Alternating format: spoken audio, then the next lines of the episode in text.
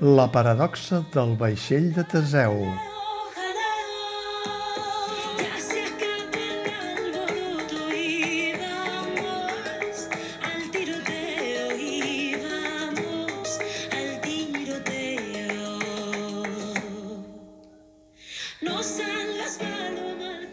L'actor i dramaturg argentí Juan Diego Boto, format i establert a Madrid després de perdre el seu pare el 1977 amb la dictadura del colpista militar Jorge Rafael Videla i arran de la dramàtica desaparició de fins almenys 9.000 resistents i dissidents argentins, té una sensibilitat especial per la injustícia i la immunitat del feixisme de tots els colors.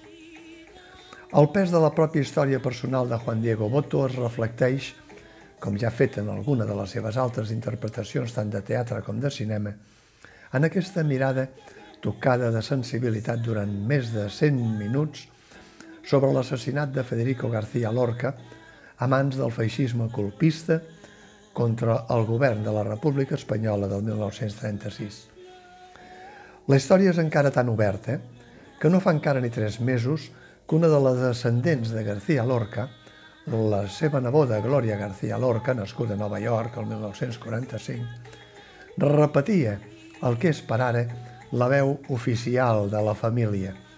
Intentar buscar i recuperar les restes de García Lorca on va ser afusellat entre Biznar i Alfacar el 18 d'agost de 1936, juntament amb el mestre republicà Dioscoro Galindo i els banderillers Joaquín Arcollas i Francisco Galadí, però la família seria trencar amb la memòria del que realment va passar.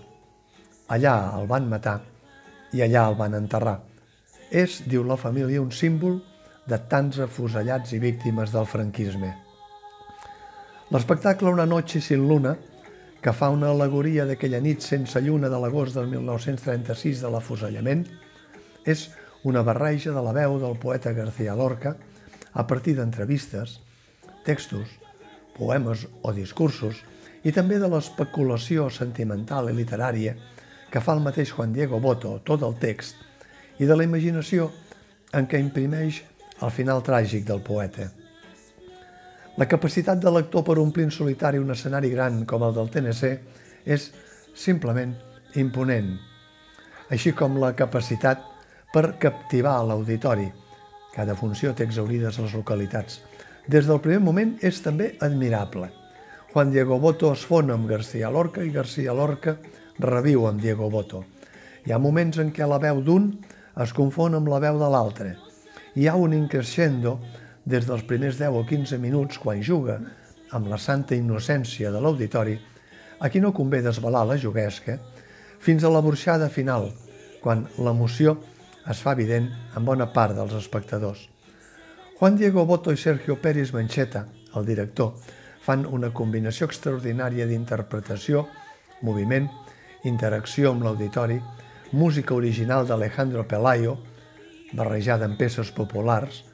L'enregistrament es va fer amb el piano original que havia utilitzat García Lorca a la residència d'estudiantes i amb una escenografia tocada per la il·luminació sensorial dominada per l'ocre terrós del passat que es construeix amb el rinc amb cordes a la cuneta des d'on el poeta diu que escolta tots els homenatges que se li fan, fins al presumpte vaixell que evoca el mite de la paradoxa de Teseu i la posterior i progressiva desestructura de la tarima escènica inclinada que amaga tota la pols de la memòria, els objectes personals dels desapareguts, el guardapols dels voluntaris de la barraca, el teatre sota terra del poeta, que ell mateix va interpel·lar amb el públic, o l'abric esfilagarçat, que poèticament es desfila en dolls de sorra, com si fos un simbòlic rellotge impecable del pas del temps.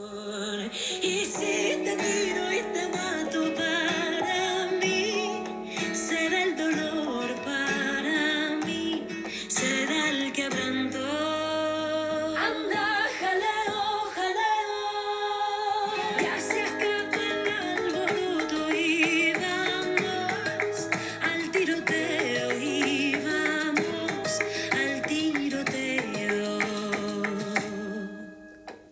Por la calle de los muros han matado una paloma, han matado una paloma.